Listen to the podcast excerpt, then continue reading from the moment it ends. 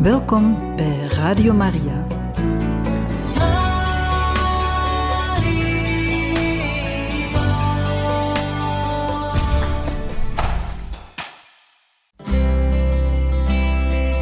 Welkom bij Boekat, een programma van Radio Maria.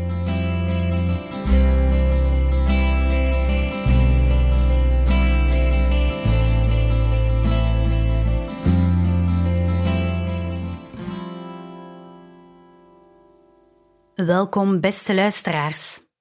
Vandaag gaan we lezen uit het boek Het paard en de jongen. Het is een derde deel, een derde boek van de Chronieken van Narnia, geschreven door C.S. Lewis.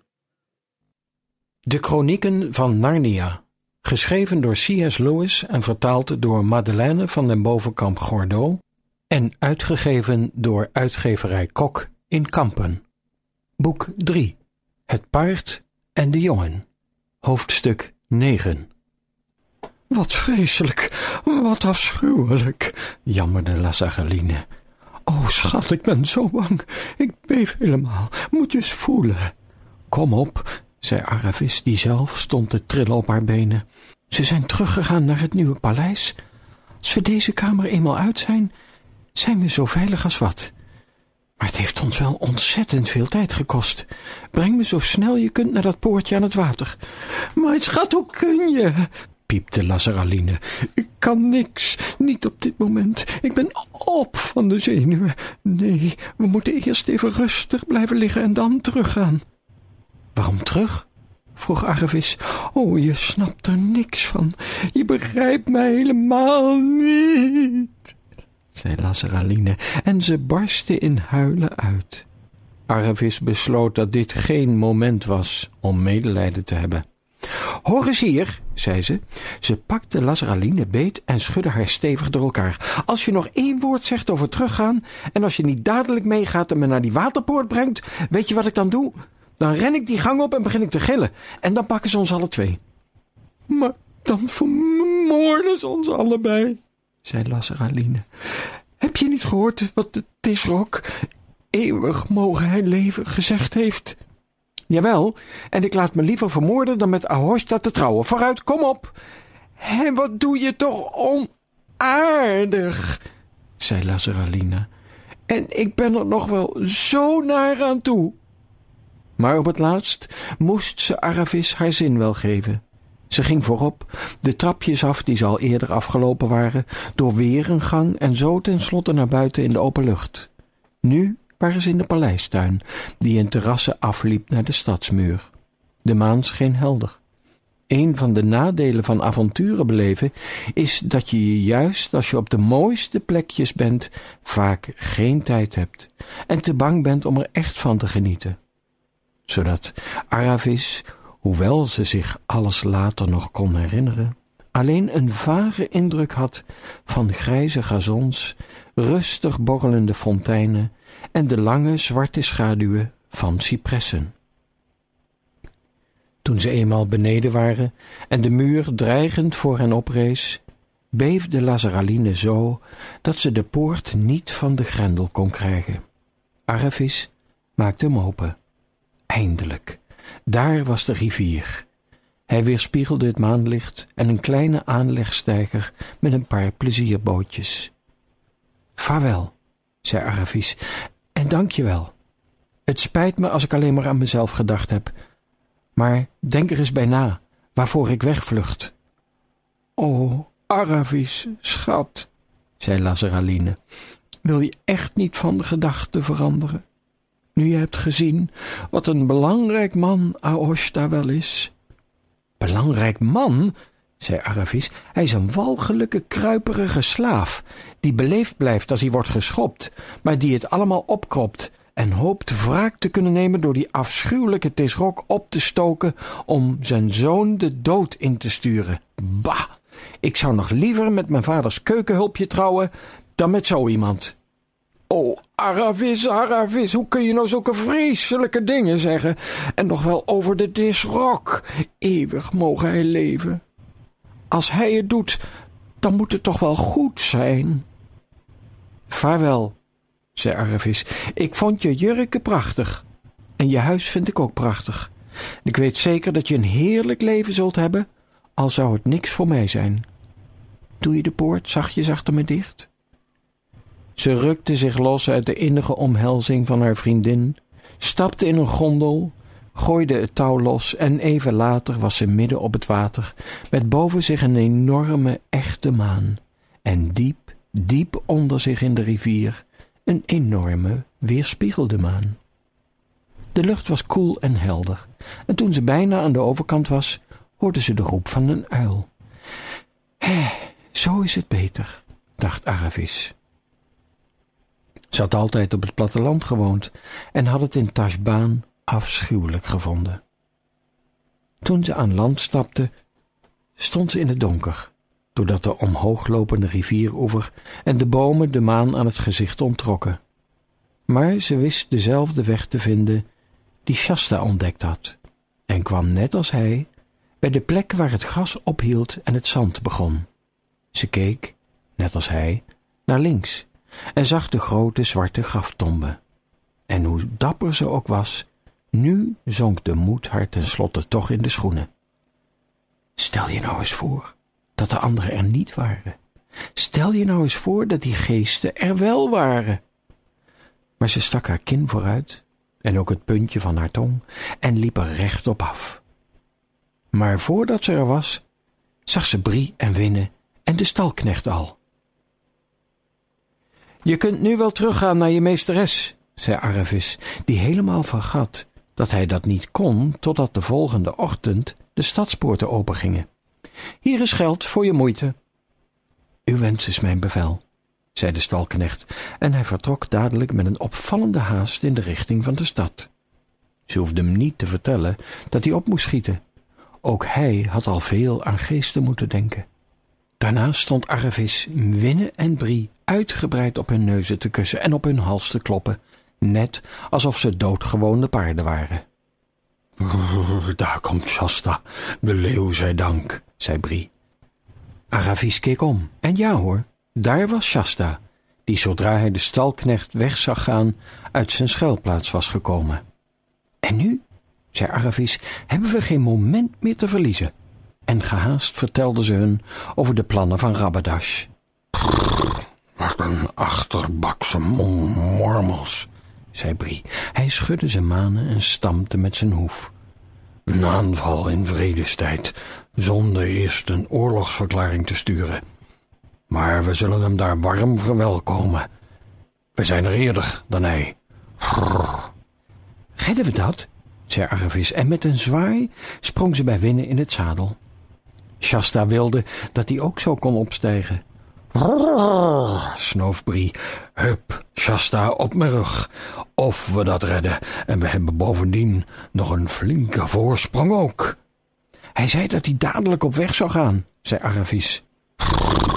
Zo praten mensen, zei Brie. Maar een groep van tweehonderd paarden met ruiters heb je niet zomaar één, twee, drie met water en proviand bepakt en bewapend en gezadeld op weg. Nou, welke kant moeten we op? Recht naar het noorden? Nee, zei Shasta. Daar ben ik weer te weten gekomen. Ik heb een streep getrokken. Ik leg het later wel uit. Een beetje naar links, jullie paarden. Kijk, daar is hij al. Moet je horen, zei Brie, al die onzin over de hele dag en een hele nacht doorgalopperen zoals ze dat in verhalen doen. Dat kan in het echt niet. We moeten het stapvoets en in draf doen, maar in gestrekte draf. En telkens maar een kort stukje stapvoets. En als we stapvoets gaan, kunnen jullie mensenkinderen je allebei wel van onze rug laten glijden en ook lopen. Goed. Ben je klaar, Winnen? Daar gaan we dan. Op naar Narnia. En het noorden. Eerst was het heerlijk. Het was intussen al zoveel uren nacht dat het zand bijna geen warmte meer uitstraalde van alle zonnehitte die het overdag had vastgehouden, en de lucht was koel, fris en helder. In het schijnsel van de maan lichtte het zand zo ver ze konden kijken naar alle kanten op, alsof het een stil water was of een groot zilveren dienblad. Behalve van de hoeven van Brie en Winnen was er geen geluid te horen. Shasta zou er bijna bij in slaap gevallen zijn als hij niet af en toe had moeten afstijgen om te lopen. Zo leek het urenlang door te gaan. Toen scheen er een tijd lang geen maan meer. Het leek alsof ze uren en urenlang in het aardedonker reden. En daarna viel het Shasta op een gegeven moment op dat hij voor zich de hals en de hoofd en het hoofd van Brie een beetje duidelijker kon zien dan eerst. En langzaam, heel langzaam, begon om hem heen aan alle kanten de uitgestrekte grijze vlakte zichtbaar te worden. Hij zag er volslagen dood uit, als iets uit een dode wereld. En Shasta voelde zich nu verschrikkelijk moe. En hij begon het koud te krijgen en zijn lippen waren droog. En aldoor maar het kraken van het leer, het rinkelen van bitten en het geluid van hoeven, niet klipperde klopperde, zoals het klinkt op een verharde weg, maar bofferde bofferde in het mulle zand. Ten slotte verscheen er, na uren rijden, rechts in de verte, laag boven de horizon, één enkele lange streep bleker grijs, toen een streep rood. Eindelijk werd het ochtend, maar er was niet één vogel die erover zingen kon.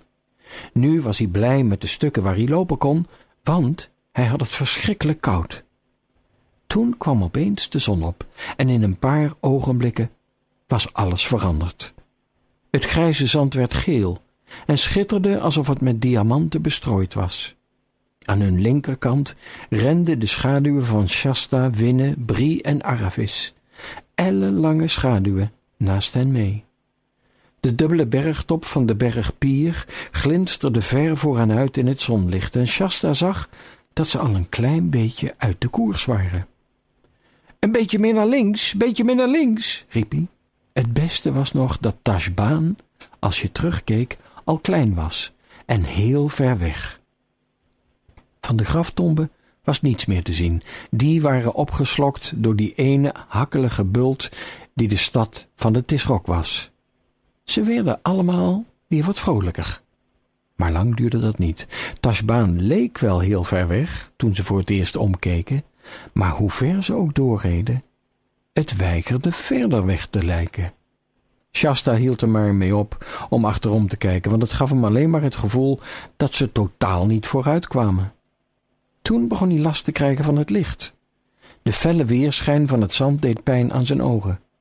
Maar hij wist dat hij ze niet dicht mocht doen. Hij moest ze dichtknijpen en naar de berg Pier in de verte blijven kijken en aanwijzingen blijven roepen. Toen kwam de hitte. Het viel hem voor het eerst op toen hij moest afstappen om te lopen. Toen hij zich naar beneden liet glijden, sloeg de hitte van het zand hem in zijn gezicht, alsof er een deur van een open openging. De keer daarop was het nog erger. Maar de derde keer schreeuwde hij het uit van de pijn zodra zijn blote voeten het zand raakten, en razendsnel zette hij zijn ene voet terug in de stijgbeugel en had de andere alweer half over Brie's rug. Sorry, Brie, bracht hij uit, ik kan niet lopen, ik brand mijn voeten. Natuurlijk, hijgde Brie, had ik zelf aan moeten denken. In het zadel blijven dan maar, niks aan te doen. Voor jou is het niet zo'n probleem, zei Shasta tegen Aravis, die naast Winnen liep. Jij hebt schoenen aan. Aravis zei niets en keek hooghartig voor zich uit. Laten we hopen dat ze het niet zo meende, maar zo keek ze wel. Verder maar weer. In draf, stapvoets, in draf. Rinkel, rinkel, rinkel. Knars, knars, knars. De geur van je hete paard. De geur van je hete zelf. Verblindend zonlicht, hoofdpijn. En kilometer na kilometer hetzelfde. Tashbaan wilde maar niet verder weg lijken. De bergen wilden maar niet dichterbij komen. Je kreeg het gevoel dat er nooit iets anders bestaan had dan dit rinkelde, rinkelde, rinkel, knars, knars, knars, de geur van je hete paard, de geur van je hete zelf. Natuurlijk probeerde je allerlei spelletjes met jezelf te doen om de tijd sneller te laten gaan. En natuurlijk hielpen die allemaal niets. En je probeerde heel hard niet aan drinken te denken, aan vruchtendranken met ijs in de paleizen van Tashbaan aan helder bronwater dat met een diep donker geluid omhoog kon borrelen, aan gladde koude melk, net romig genoeg en net niet te romig. En hoe harder je probeerde daar niet aan te denken, hoe meer je eraan dacht. Eindelijk kwamen ze even iets anders tegen. een grote steenmassa van een meter of vijftig lang en tien meter hoog, die uit het zand omhoog stak. Hij gaf niet zoveel schaduw, want de zon stond nu erg hoog, maar een klein randje schaduw was er toch. Ze drongen zich allemaal op een kluitje tegen de rots aan in die schaduw. Daar aten ze een beetje en dronken ze een slokje water. Het valt niet mee om een paard uit een leren waterzak te laten drinken, maar Brie en Winne waren heel handig met hun lippen. Ze kregen geen van allen genoeg. Niemand zei iets. Op de paardenlijven stonden vlokken schuim en hun ademhaling ging zwaar. De kinderen zagen bleek. Ze rustten maar heel even uit en gingen toen weer verder. Weer diezelfde geluiden, diezelfde geurtjes, datzelfde schelle licht, totdat hun schaduwen tenslotte aan hun rechterkant zichtbaar begonnen te worden en daarna al maar langer en uitgerekter werden, totdat ze zich wel tot aan de oostelijke rand van de wereld leken uit te strekken. Heel langzaam zakte de zon naar de westelijke horizon. En toen ging hij eindelijk onder en was zijn genadeloze gloed gelukkig verdwenen. Al was de hitte die uit het zand opsteeg nog net zo fel als tevoren. Vier paar ogen keken gespannen uit naar het dal waarover Vaalpoot de raaf gesproken had. Maar kilometer na kilometer zagen ze niets dan het vlakke zand. En nu was de dag echt helemaal om en stonden bijna alle sterren al aan de hemel. Maar nog steeds dreunden de paardenhoeven verder en wipten de kinderen op en neer in het zadel, doodongelukkig van dorst en uitputting. Pas toen de maan opgekomen was, riep Shasta met de vreemde blaffende stem van iemand die een kurkdroge keel heeft: Daar is het! Nu was er geen twijfel meer mogelijk. Voor hen uit, een beetje naar rechts, was de grond eindelijk niet langer vlak meer, maar begon hij omlaag te hellen, met aan weerskanten een randje rotsen. De paarden waren veel te moe om iets te zeggen, maar ze draaiden bij in de richting van het dal, en binnen een paar minuten draafden ze het ravijn binnen.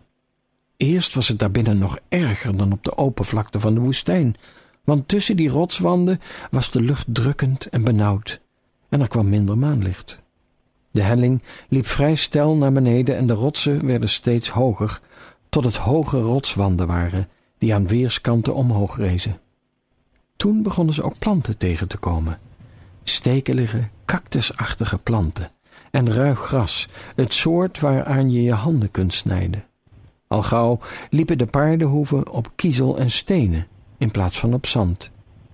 Ze keken gespannen om iedere bocht van het dal, en er zaten heel wat bochten in, of ze al water zagen. De paarden konden nu bijna niet meer, en Winnen kon, struikelend en hijgend, Brie niet meer bijhouden.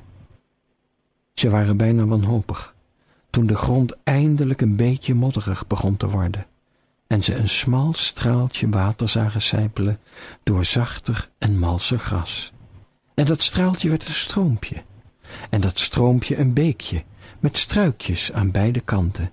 En die beek werd een rivier, en op een gegeven moment, na veel meer teleurstellingen dan ik kan opschrijven, voelde Shasta, die half versuft was, plotseling dat Brie was blijven staan en gleed van zijn rug af. Voor hen klaterde een klein watervalletje naar beneden in een brede poel en de beide paarden stonden al in het meertje met hun hoofden naar beneden, gulzig te drinken. Oh, zei Shasta, en hij liet zich er met een plons inzakken. Het water kwam zo'n beetje tot aan zijn knieën en stak zijn hoofd naar voren midden in de waterval. Dat was misschien wel het heerlijkste moment van zijn leven. Het duurde wel een minuut of tien voordat ze er alle vier weer uitkwamen. De beide kinderen waren bijna helemaal nat en ze op de omgeving begonnen te letten. De maan stond nu zo hoog dat hij over de rand in de vallei scheen. Op allebei de oevers van de rivier groeide zacht gras met daarachter bomen en struiken, die omhoog liepen tot aan de voet van de rotswanden. Er moesten wel prachtige bloeiende heesters groeien in de diepe schaduw daar tussen het struikgewas, want de hele vallei rook koel en verrukkelijk en uit de donkerste diepte tussen de bomen kwam een geluid dat Shasta nog nooit eerder had gehoord. Het lied van een nachtegaal. Ze waren allemaal veel te moe om te praten of te eten. De paarden gingen meteen liggen, zonder te wachten tot hun zadels afgedaan zouden worden. En Arvis en Shasta ook. Na een minuut of tien zei de voorzichtige Winne, maar we mogen niet in slaap vallen. We moeten die rabbadash voorblijven. Nee, zei Brie heel langzaam. Mogen niet in slaap vallen. Alleen even rusten. Shasta wist, heel even, zeker dat ze allemaal in slaap zouden vallen als hij niet overeind zou komen en iets zou gaan doen. En hij vond ook dat hij dat moest doen.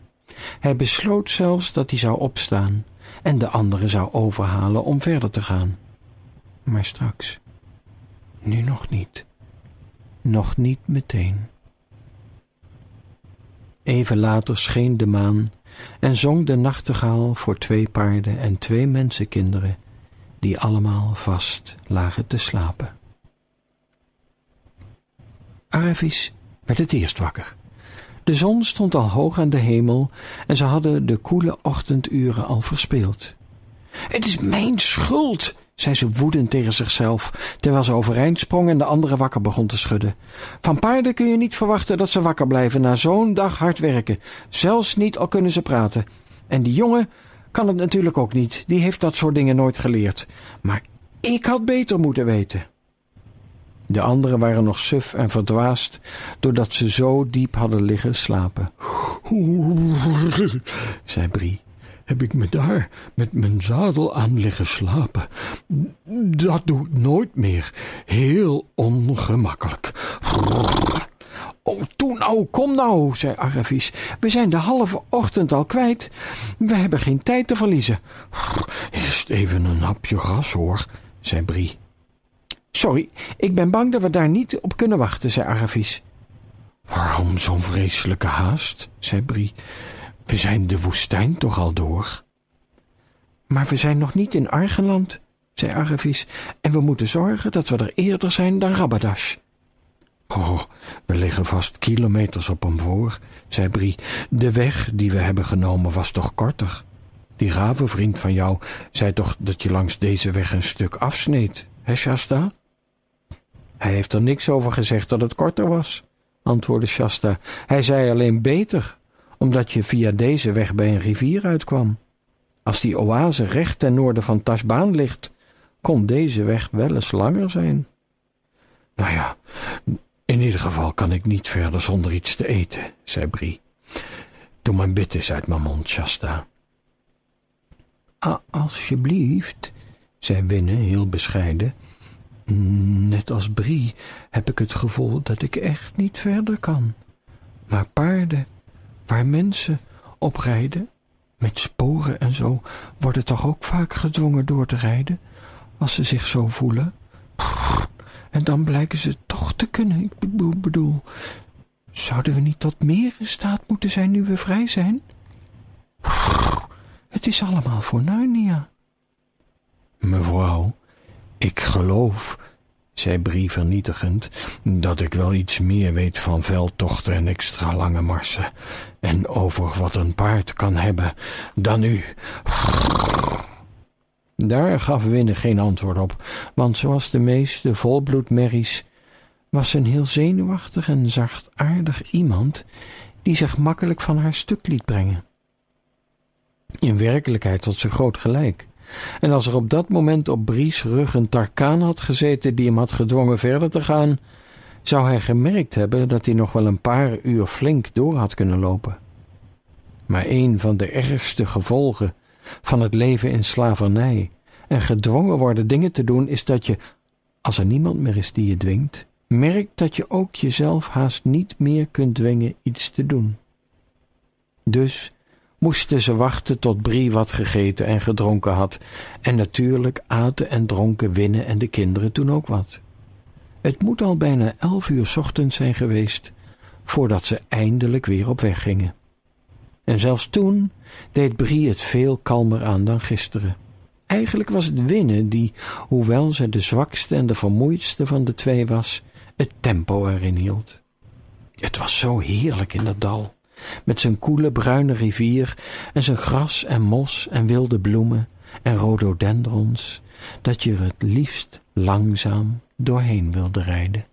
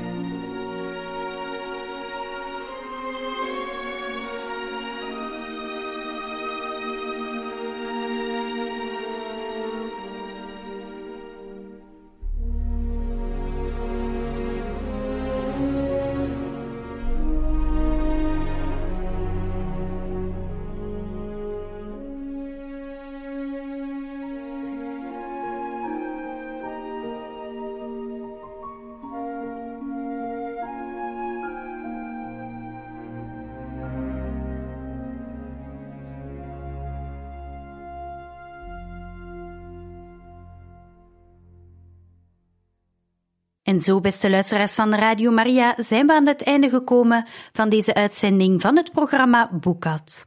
We hebben gelezen uit het boek Het paard en de jongen van C.S. Lewis, het derde boek van de Chronieken van Narnia. Tot de volgende keer.